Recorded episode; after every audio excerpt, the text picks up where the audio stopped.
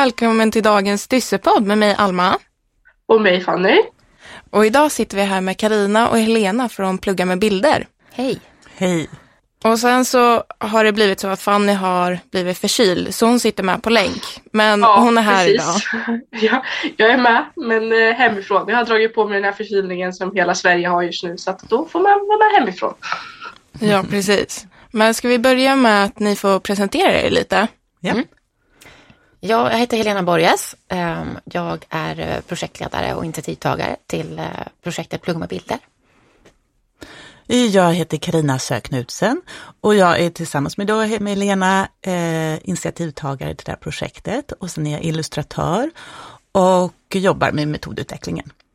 Ja, och för de som inte vet vad Plugga med bilder är, vill ni förklara lite vad det, vad det är för projekt? Mm, det är ett eh, arvsfondsprojekt. Vi har fått eh, finansiering i tre år för att eh, utveckla ett läromedel som gör att barn med dyslexi ska kunna lyckas direkt med lätt skrivinlärningen när man börjar skolan och slippa gå via många, många år av misslyckanden och kunna få en, en, en läsning och skriva, kunna skriva, läsa och skriva liksom på ett, ett sätt som gör att det inte blir ett handikapp, tänker vi, längre fram.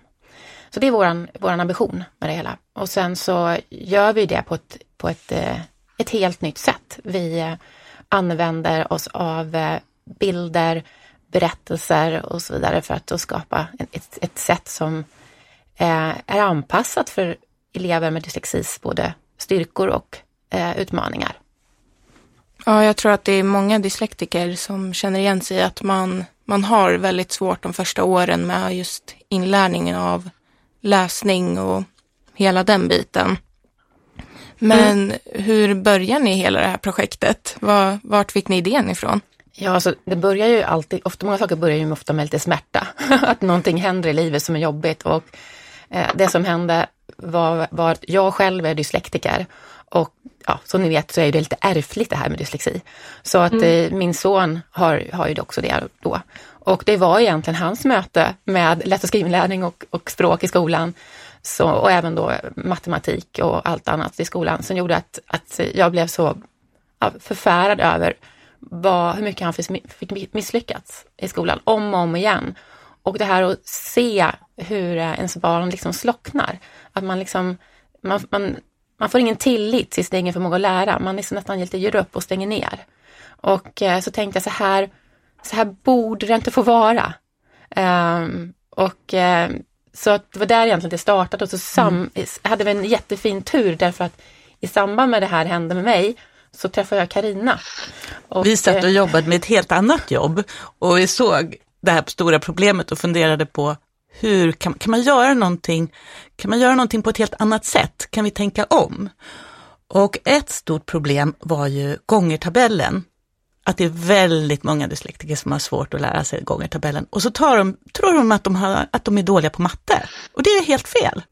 Så vi tänkte, kan vi börja här och se om vi kan göra någonting åt det? Och då startade vi Mappia. Mm, som var vårt första företag som vi hade tillsammans.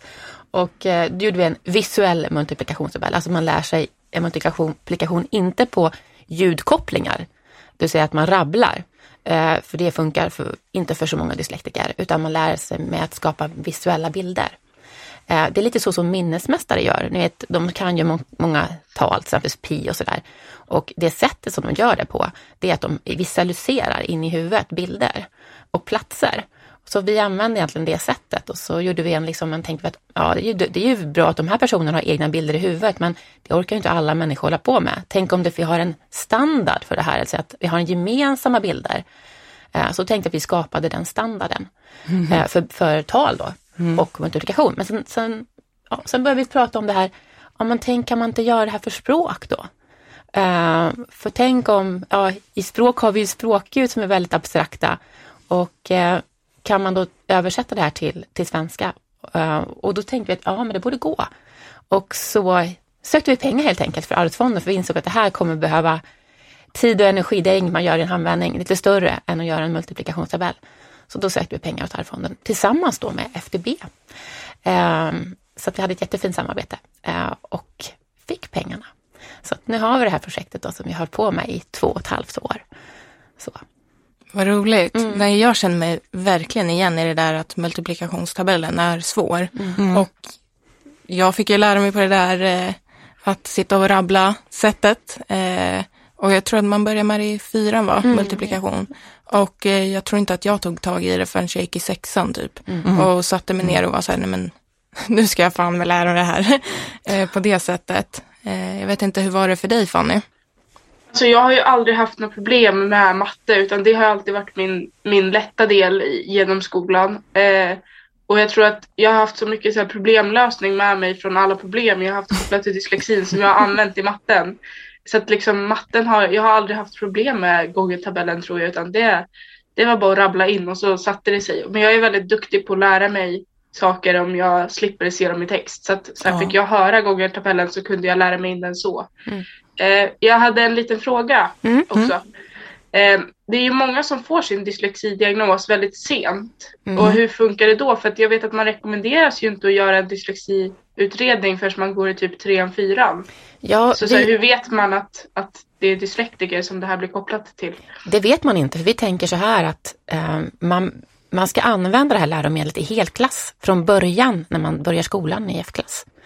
Och då tänker vi att alla elever använder det här läromedlet. Mm. Alltså vi har, så att man kan säga att det här är inte ett specialpedagogiskt läromedel i första hand. Man kan använda det så också, men vi tänker helt enkelt att som vi inte vet vilka som är dyslektiker från början, så får helt enkelt alla använda det här läromedlet och få tillgodo det.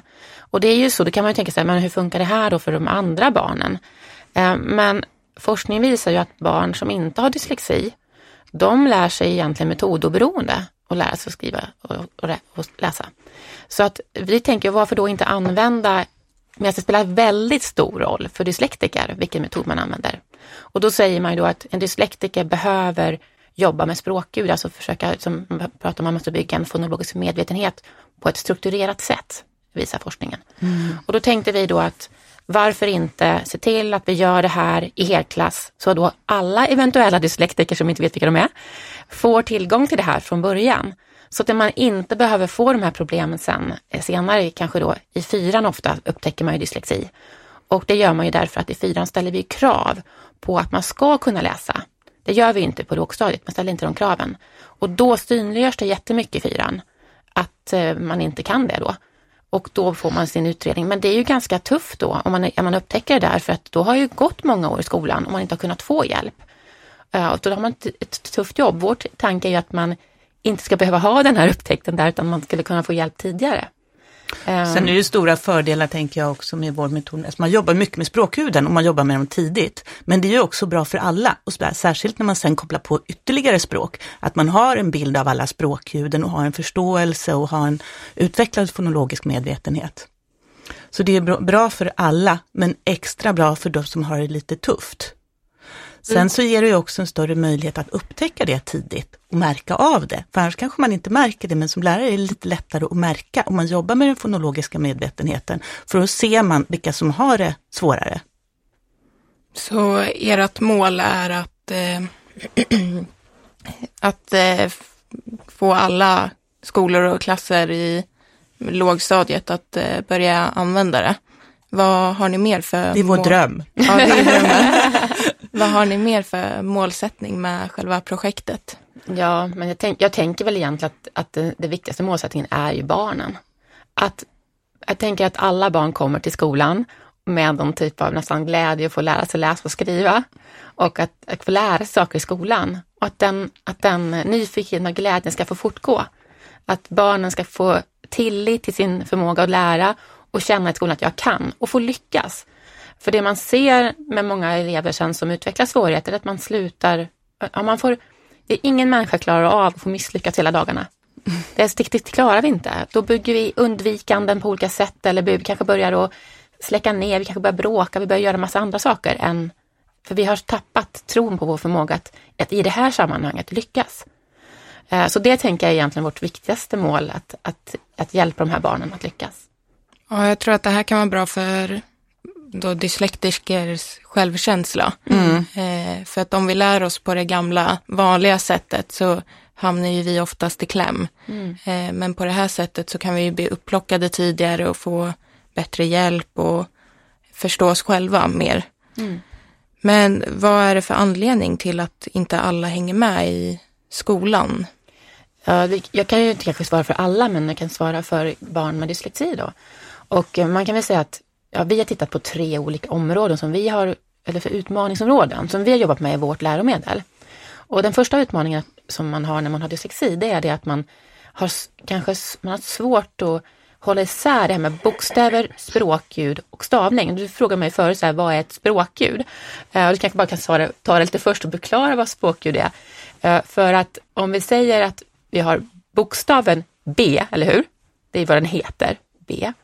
Men det är inte språkljudet utan det är B. Alltså själva P. Det är själva språkljudet. Så att vad vi säger här är ju då att när man är dyslektiker så kan man då, då har vi vad den heter, vi har språkljudet B.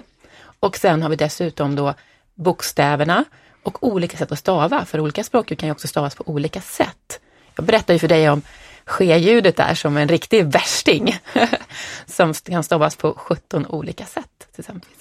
Så att det, det, det är ett sätt att vi, det blir som, man kan nästan tänka sig att man har en, en röra i huvudet med både alla de här ljuden, vad de heter eh, och olika sätt att stava, alltså bokstäver. Så att det gör ju då att det blir väldigt svårt att, att automatisera och få flyt i läsningen när det, när det är, man har den här röran. Så det är den ena, ena anledningen. Ehm, den andra anledningen är att man har forskat på, jag vet inte om ni kan känna igen det här, att man har en genomgång ena dagen i skolan och man tänker att jag förstår det här. Och så går man hem, sover en natt och så kommer man tillbaka och så är det bara borta. Kan ni känna igen det? Ja. Nej. Mm. Men jag tror att Fanny plockar upp allt mm. som läraren säger. Hon lyssnar ja. otroligt bra. Och eh, medan jag kan liksom ha lite svårare att koncentrera mig ibland och så glömmer man bort det. Men det, det är faktiskt inte bara, forskning visar som Martina Edenius har forskat på detta och hon har sagt att det, inte bara, det handlar inte bara om koncentration. Utan det kan vi tro att vi koncentrerar oss dåligt utan det handlar om vår, vår hjärnas förmåga att eh, man pratar om konsolidera eller att spa, lagra minnet. För det är så när du sover, om du lär dig någonting dag ett och sen så går hem och sover. Så på en person som inte har dyslexi så kommer minnet då att konsolideras då så här och sen och sparas. Medan då viss typ av, vissa typer av minnen inte kommer att göra det om man har dyslexi. Och den typen av minnen benämner hon som, nu ska jag säga ett svårt akademiskt ord här, så nu ska jag också förklara det. det man brukar säga, prata om eh, eh, implicita minnen, till skillnad från explicita minnen. Och implicita, implicita minnen är minnen som är där man har fångat ett dolt mönster i någonting. Vi pratade om det här med ske-ljuden och att det fanns massa olika sätt att stava i. Det finns ett mönster i det här som vissa då elever fångar, men andra inte gör och som blir automatiserade. Vissa vet exakt hur ett ord ska stavas. Det känner, kan man ju känna igen med någon som inte har dyslexi, att man vet hur det stavas. Medan vi som inte har dyslexi, vi har inte fångat det mönstret och är blinda. Vi får inte upp någonting när man ska stava skeljud, det bara är blankt. Så här finns det en skillnad hos oss med dyslexi och de som inte har det. Att vi på något sätt inte har samma förmåga att lagra minnen av den här typen som då kallas för för eh, implicita minnen, dolda det mönster. Där, det där känner jag igen mig i mycket, att så här, koncentrationsförmågan har egentligen ingenting med inlärningen att göra. För att Alma, du är ju ofta väldigt mycket bättre än mig på att koncentrera dig. Alltså jag har väldigt mycket sämre koncentrationsförmåga och sitter mer och så här, jag menar koncentrerade på vad alla andra gör egentligen, men, men ändå så lär jag mig hela genomgångarna fast Alma inte ens plockat upp en liksom, ja men fjärdedel ibland. Eh, så det, det känns som att det är väldigt starkt, ja men i alla fall för oss i, i liksom livet. Mm. Mm. Jag tror också det här får oss att känna oss dumma, tänker jag. För att uh, om, uh, om man då går hem och så kommer man tillbaka nästa sko skola och så tänker man att allt jag lärde mig igår, det är borta nu. Då känner mm. man sig rätt korkad. Uh, så att, och då tänker man ju så här då, så, det, så jag tänker det här är också viktigt, tänker jag, det, att vi förstår att det är så här. Att det inte är att man är dum, utan det är faktiskt så att vår hjärna är lite annorlunda anskaffad. Liksom, det här funkar på ett annat sätt. Men vi tänker att man kan påverka det här. Eh, och det vi ser är att man kan gå från det här eh, dolda, då det här konstiga ordet, eh, implicita sättet, till ett, ett explicit eller ett medvetet sätt att lära sig. Så att om man gör någonting som har varit dolt, synligt, så tänker vi att det inte, då, då blir det på ett annat sätt på hjärnan och då kan man spara minnet. Så att det vi har gjort är ju att vi visualiserar dolda mönster. Alltså vi synliggör dem. Och då ser vi att hjärnan faktiskt lagrar det. Så att vi tänker att det faktiskt går att påverka här. eh, genom att använda ett annat sätt att lära sig. Mm, precis. Jag tänkte det, um, nu det är svårt, hela det här läromedlet, det bygger ju väldigt mycket på bilder och vi sitter i ett en podd mm. och förklara. För att det vi förklarar nu kanske blir ganska abstrakt. Men vi tänker så här att från början så börjar man med att presentera språkljud. Och då har vi gjort bilder till varje språkljud och historier och berättelser. Så till exempel börjar vi, det allra, allra första de lär sig, det är l-ljudet. Och det representeras av en liten figur som heter Löken Lena. Hon är jättesöt. Hon är lite så här blyg av sig ja, och väldigt och Hon har en hel personlighet liksom. Och barnen, alltså det, det, viktigaste när jag gjorde bilden, det var att det ska kännas roligt. De här figurerna är någonting man ser fram emot och får lära sig mer om. Man ska bli nyfiken, att det ska vara liksom starka uttryck i dem och de ska vara kul. Och varje barn får liksom ett eget, eget litet kort. Så liksom lite tänkte vi Pokémon-kort och så ja, från början, eller hur? Det gjorde vi. Så att det kopplar man ju massa minnen till ljudet. Jag menar, det är en person, det är en färg, det är en form, det är en rörelse och de leker och de liksom har hela, ja, det blir självklart till slut för dem. Mm. Så vi kopplar alltså någonting konkret och personligt som en Löken Lena-figuren ja. till något väldigt abstrakt och konstigt som, som ett ljud som heter L. Och då får liksom L hjälp av eh, att bli tydlig med hjälp av bilden. Så det här liksom abstrakta, lite dolda ljudet får konkret hjälp av en visualiserad figur med personlighet. Och det verkar inte vara något svårt för barnen att lära sig. för de tycker det är jätteroligt. Och det är ganska mycket det här att det ska vara, vara roligt att lära sig. Och mycket kan man ju övervinna med hjälp av humor också. Mm. Att man inte direkt liksom översköljs av en massa svåra bokstäver och det blir bara ett hinder och jobbigt, utan nu, nu tar man det steg för steg och har kul under tiden. Så det, det är ju svårt för ett litet barn att säga, nu ska jag lära mig läsa, det är jätteviktigt. Det är kanske inte är så de upplever det. Nej, kanske inte. och när det dessutom är jättesvårt. Så här leker vi in oss i det, sakta men säkert. Och sen så, så småningom så upptäcker de att det finns ju, när de blir lite äldre, så finns det ju ledtrådar i varje figur till en bokstav. Mm. Och det här har vi också märkt och så intressant, för vi pratar om det här, någonting som var svårt när man har dyslexi, det är att man lätt blandar ihop olika bokstäver. Han är det här med B och D, känner ni igen det? Ja. Eller hur? Det tror jag jättemånga dyslektiker har problem med. Jag hade jättemycket problem också när jag var barn och, och man blandar ihop de här bokstäverna, för de är så lika. De är ju bara spegelvända. Och men när man då har jobbat med vårt material så är ju B och D, de är ju då ljudfigurerna. Vi har Bullen Berit och Degen Dag. Två stycken små gulliga figurer som är olika personligheter, olika form. Eh, och när man har lärt sig dem och bokstäven är i de här figurerna, då, då är det som att bokstäverna liksom åker isär därför att de är inte lika längre. De får hjälp av personligheterna i ljudfigurerna. Så Bullerbyert egen Dag, liksom, de står för sig själva. Så man kan säga att det är ett sätt, vi liksom använder liksom ljudfigurerna till att liksom plocka isär språket, kan man säga, att göra, göra de olika delarna mer unika. Eh, och jag tänker det här med personligheter är ju så himla bra, för att det är ju så vi människor håller isär varandra, eller hur? Om man, om man träffar en massa nya människor så många kan se ganska lika ut, eller hur? Innan man lär känna dem så kan man ju faktiskt blanda ihop människor. Du satt här och blandade ihop oss först här. Vi är inte ens helt lika, men du tänkte att de där två människorna är en klump. Vem är de? Men så, nu när du lär känna oss här och ser att vi har lite olika personligheter så kommer du till slut inte eh, blanda ihop oss. Vi kommer bli separata individer och det gör du när du lär känna våra personligheter. Och på samma sätt så har vi använt det i våra ljudfigurer. Vi bygger upp liksom en hel persona kring de här, de här ljudfigurerna och då blandar vi inte heller ihop dem. Och sen har de ju en tydlig form också, de, mm. de, eh, liksom själva visuell form Precis. som du har jobbat med. Och sen när man lär känna flera så upptäcker man att det händer något väldigt spännande när de håller ihop, när de håller varandra i handen och jobbar ihop.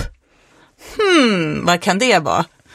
Sakta men säkert så börjar man ljuda ihop dem, deras ljud. Så Kolan-Kaj, uret Uma och löken Lena blir tillsammans k, u, l. Kul! Så då liksom bara genom lek så har det helt plötsligt börjat ljuda. Och det är det vi vill. Vi vill ju verkligen att man inte ska lära sig genom att liksom, liksom läsa med att koda av en, en, en helhetsbild, utan man vill ju att barnen ska lära sig läsa via ljudning. Uh, på det sättet så, så, är det så att vi har ju inte ens bokstäverna med när vi lär oss från början. Utan bokstäverna har vi liksom, de har vi plockat undan, de står i periferin. Mm. Utan vi sätter de här ljudfigurerna nu i centrum i vår berättelse. De har huvudrollen. Eh, under hela förskoleklass är de där i huvudrollen. Och sen kommer bokstäverna in och det gör ju då att, att, eh, att man då kan börja, det blir ljud, ljudningen som kommer först och sen kommer bokstäverna. Man kan ljuda rätt svåra ord, som kök till exempel, som är ett ganska svårt ord att skriva. Man vet inte riktigt hur det stavas. Men det här är inget svårt. För tjuven Kerstin och ödlan Öman och Kolan Kaj Ja. blir kök tillsammans. Ja. Man kan ju tro att, att det är Kolankai, Öman och Kjell. Det är det ju inte. För, för det stavas ju K, eller hur? Med, stav, med bokstaven K. K, Ö, K, eller hur? Men hur, hur låter det?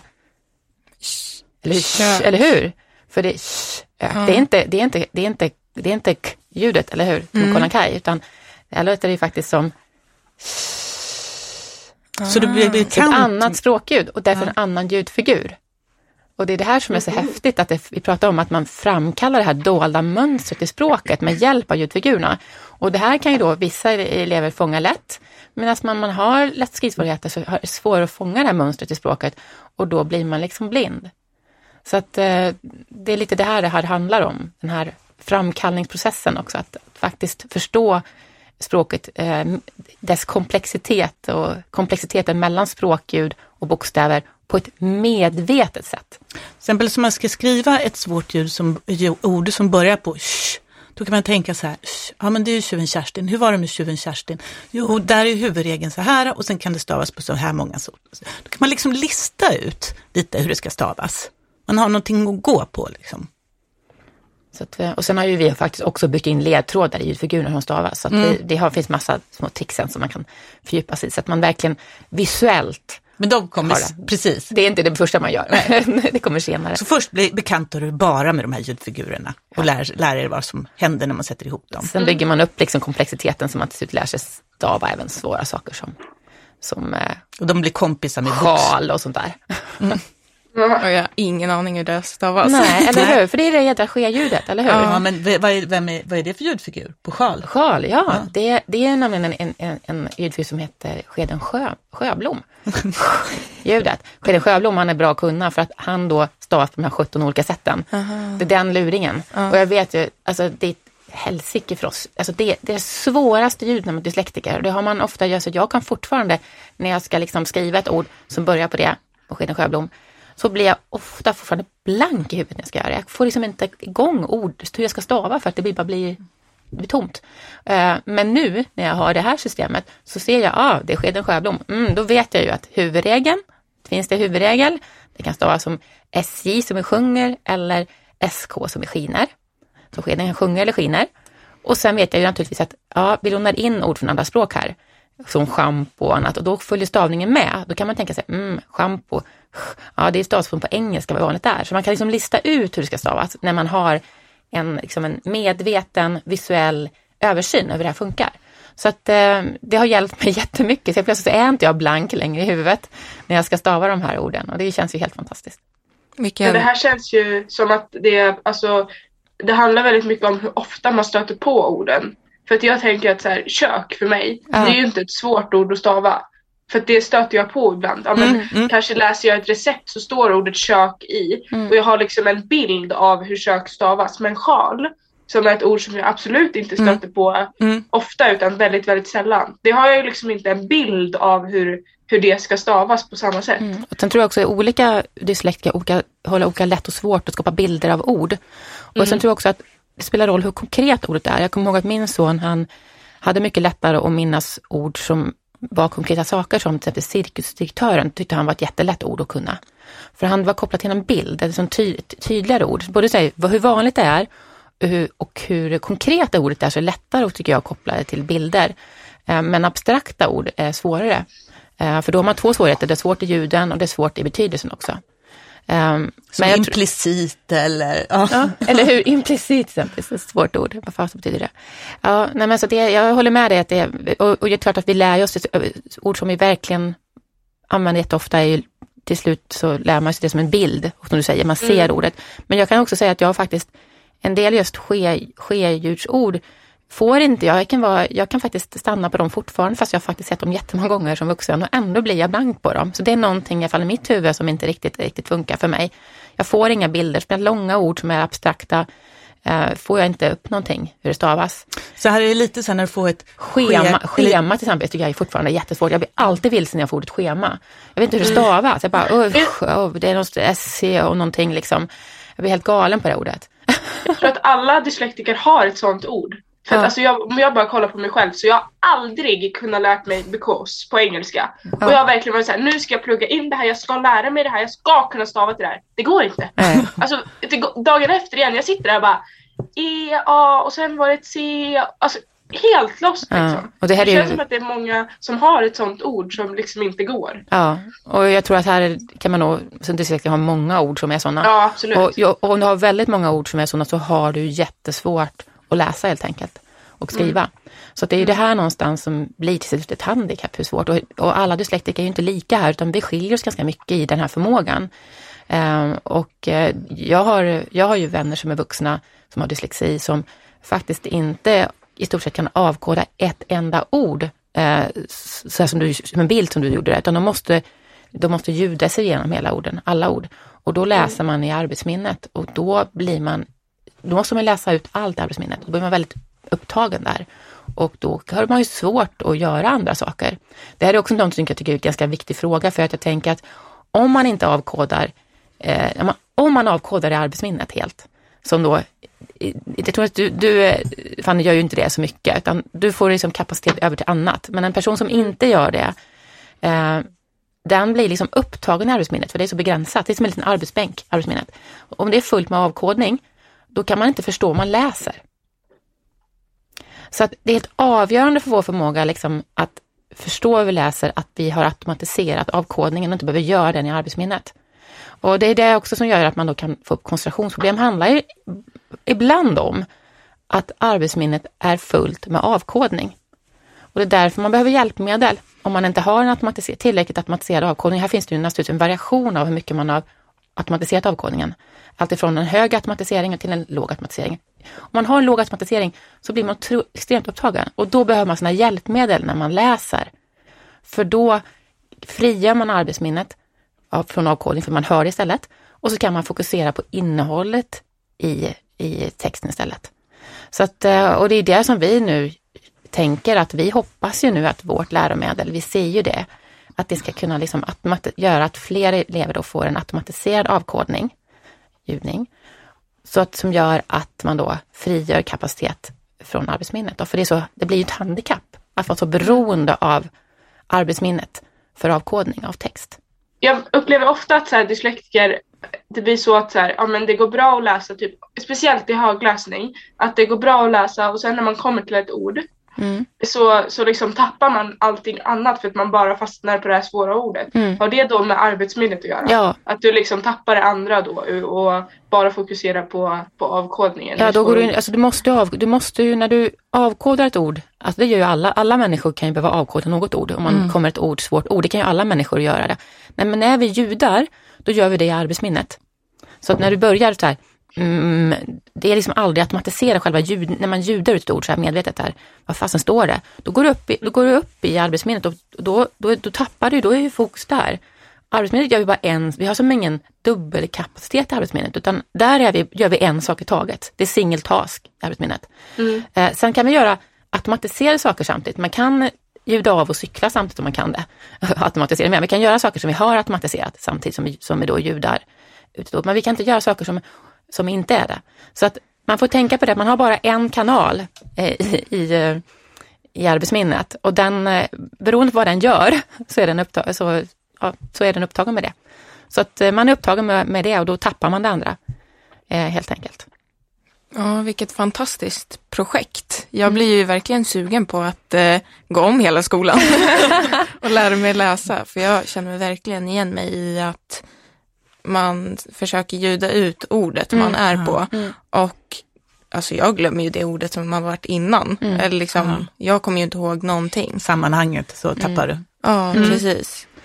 Men det är ju så att, att vi, vi, även om vi har designat det här läromedlet för barn i, eh, som är i av förskoleklass och lågstadiet så, så går det att använda det här läromedlet när man är äldre. Eh, det är frågan är bara att man måste vara motiverad och vilja liksom lite börja om från början. Eh, men vi har, jag hade en, en kille, han var tio år, han är mycket yngre än vad du är, men han hade det ändå lite börja om för honom för han var tio år. Men han sa det att först var det, ville han inte, men sen blev det kul. Eh, så att jag tror att även, och sen kände han ju att det blev, han, han fick nytta av det, för han kunde skilja B och D och sådär. Vissa saker blev lättare direkt. I början så hade vi också en, en grupp eh, som vi jobbade med från högstadieelever. Vi hade både mellanstadiet och högstadiet. Men då tog vi fram vokalerna och lärde dem vokalerna och det var ju jättes, det blev ju jättestor eh, stora fördelar för dem att helt plötsligt kunna vokalerna utefter, efter att inte ha gjort det tidigare och igenkänna deras ljud och deras två olika språkljud och kunna, kunna använda dem. Här kan vi också säga, på tal om vokaler, det lär man sig också med ljudkopplingar. Ett A, O, U och sådär. Ja. Och ordningen. Liksom. Ordningen liksom. är med på det, vilka som är hårda, vilka som är mjuka. Och så mm. låt, sen är det väldigt lurigt med vokaler också, för att de, man tycker att de som är hårda låter mjuka och de som är mjuka låter hårda. Eh, så det är jätteförvirrande. Har ni tänkt på det? Så här, A, O, det låter mjukt, gör det inte det? Mm. I, I, låter hårt, eller hur? Men det är tvärtom. Uh, så att det är väldigt ologiskt med vokalerna. Och svårt tycker jag därför. Så jag, jag lärde mig aldrig dem i skolan. Om vi skulle börja med projektet hade jag ingen aning om vilka som var hårda och mjuka. Man kan ju säga man kan ju klara sig utan det, men när man kan det så förstår man ganska, att det finns ganska många fördelar när man förstår vad de, men, men om man inte vet reglerna och så, då spelar det ingen roll. Nej. Men när man väl vet reglerna och förstår hur man ska använda det här, alltså mjukgörande och hårdgörande vokaler och deras två språkljud. När man kan dem, då, då blir det liksom som ett verktyg när man skriver. Ja, för man kan stava helt enkelt och uh, uttala saker utifrån dem, men de har en kopplat till stavningsregler. Och, och då, mm. Men jag tänker så här, i vårt system då, så gör vi så att vi sätter de ljudfigurer som är hårda vokaler, som A och så vidare, som det är alen, aron, så här, för vi sätter det på en, dem på en hård, karg ö. får en plats. Eh, och så sätter vi dem som är mjuka vokaler, som E, I och så, de, det är, det är en Erik och så vidare. Gänget. De sätter vi på en mjuk, buljande, gullig ö med en fin regnbåge. Och det är så här att vi människor, vi har platsceller i huvudet. Vi kommer ihåg saker på plats. Och eh, som, alltså det är, vi minns saker på plats. Det, kanske ni har märkt någon gång om ni ska gå upp och göra ett ärende på övervåningen, om man bor i ett våningshus, och så går man upp och så kommer man inte ihåg vad man ska göra. Har ni hänt en gång? Om ni går tillbaka till den, till den platsen ni tänkte tanken så kommer ni komma ihåg igen. Känner ni igen det? Aha. Ja. ja. Och det är för att hjärnans favoritställe att spara minnen på är den platsen man tänker det på. Det är därför vi också ibland kan gå förbi någonting och få en tanke från jättelänge sedan som är kopplat till den platsen. Och det här kan man använda sig av när man ska lära sig ordning och det gör vi på vokalhjärnan för då lär man sig det att, att, att Aron, Aron har en plats på den hårda ön en viss, och sen så vidare. och då, och då helt plötsligt så fastnar det här jättelätt. Det var verkligen inga problem för de här högstadieeleverna som kom till vår kurs, de var, eller kurs, ja, de, eh, de hade liksom gett upp kring det här med vokalen. De tyckte det här, det här är så jäkla svårt så vi skiter i det. Men så när vi gick igenom det och när vi gjorde det på vårt sätt, var de så här, men vadå? Det här är ju jättelätt. Varför har jag inte lärt mig det här tidigare liksom? Nu kan ju jag också det här. Vi bara, mm. Och det skapar också en så härlig självförtroendekänsla. Ja. Det kom tillbaka en tjej där hon bara, hon bara hon var helt lycklig. Jag kunde glänsa på svenska, jag kunde vokalerna. Och jag hade, då hade inte vi heller förstått hur viktigt det var. Eller, och, liksom, och framförallt att förstå att man, att man kan lära, men man har försökt lära på ett fel sätt. Och oftast var det många av de eleverna där, de hade liksom, då hade de fått jobba ännu mer, men på samma sätt. Och ännu mer på samma sätt. Och det, det blev ju inte bättre för det. Men när man då mm. prövade helt plötsligt ett helt annat sätt, då, då gick det jättebra. Ja, det var lite solskenshistoria, ja, men det, var, ja, det var så Vi har rätt många sådana faktiskt. Det var fantastiskt. Får jag hoppa in lite snabbt? Ja. För det känns som att så här, man, man har ju sina olika sätt att göra det här. Alltså så här mm. långa bokstavs... Eh, liksom remsor som man ska kunna, typ alfabetet, vokaler. Mm. Jag mm. tänker även på månader lite mm, grann. Absolut, det kan vara svårt. Jag, jag kan ju bara det i ramsor. Alltså i alla. Jag kan mm. liksom vokalerna på grund av en ramsa som jag kan. Mm. Jag kan månaderna på grund av en ramsa som jag mm. kan. Jag kan mm. alfabetet på grund av en ramsa. Alltså sådär. Så att man har ju sina sätt att ha lärt sig på. Jag hoppas ju att det här är ett sätt som underlättar såklart väldigt mycket. Men jag vet ju att jag menar, Alma när du också ska rabbla alfabetet så sitter ju du A, B, C, D. Ja, och man kan ju inte säga, vad är det, L, M, N, O, P. Det Nej, kan man ju inte göra långsamt. Eh, men månaderna, de kan jag fortfarande inte. Nej, det kan inte min son heller. Jag säger alltid den första J-månaden och andra J-månaden, för jag vet att det är två i mitten. Och Någonstans. du hoppar alltid över augusti. Du glömmer alltid augusti. Det finns aldrig med i din Nej, det, det, är min son, det var faktiskt min son också. Han glömmer också aldrig augusti. Det är någonting med augusti. Men jag tänker att det, jag, det är så att en del har lätt att rabbla saker. Det är lättare att rabbla om man får en, en, en låt. Det kan vara lite lätt. Men, men det är också ett ganska, framförallt alfabetet är ganska svårt faktiskt för att och man ska ha ordning på för att man måste rabbla rätt mycket från början. Eller så kan man ha vissa ingångar i det. Så man kan få rabbla en stund alltså för att komma veta ordningen på det. Så dels så är det svårt för vissa, vissa lär sig inte på det sättet. Och dels så är det så att det faktiskt är ganska otympligt också. Därför att det är, man måste liksom hålla på ett tag innan man kommer rätt. Och man kan alltså ofta inte säga vilken som kommer innan en ingång, utan man kan bara säga vad som kommer efter. Så att det är liksom, det är, det är, en, det är ganska så här svårt sätt och det funkar inte för alla riktigt det här med att rabbla. Um, månaderna som sagt funkar inte alltid så. Så vi tror ju att, vi tror ju att eh, liksom det här visuella sättet, vi tror att det är starkare. Eh, vi med, och, det, och det är också kopplat till en överlevnadsgrej i våra hjärnor. Därför vi var ju tvungna från början att veta var vattnet och maten fanns, eller hur? Vi kan inte glömma sånt. Så, att det, så, så det här plats, alltså platsgrejen är ganska stark eh, ser vi. Så att vi tror att det är ett bra komplement, även om man naturligtvis ska göra ramser om det passar en. Liksom. Eh, om, man, tycker det funkar. Ja, vi har mer skapat en visuell bild över hela alfabetet, där de, man ser de olika figurerna som bor i olika hus och varje eh, rad i alfabetet, man lägger upp fyra bokstäver på varje, så har varje rad ett hus. När jag ser Löken-Lena så ser jag direkt var i alfabetet hon står. Liksom. För hon- hon bor i diskohuset, det är det vildaste huset och det är lite konstigt för Löken-Lena är väldigt blyg. Men hon har en ambition att bli författare och i diskohuset händer det mest grejer så hon tänker att där kan hon få stoff till sitt författarskap. Så att, och då ser man ju, man, ser, man får en helhetsbild och ser vem är innan henne, vem är bredvid henne och vem är efter. Man behöver inte hålla på och rabbla, man får en helhetsbild av hela alfabetet.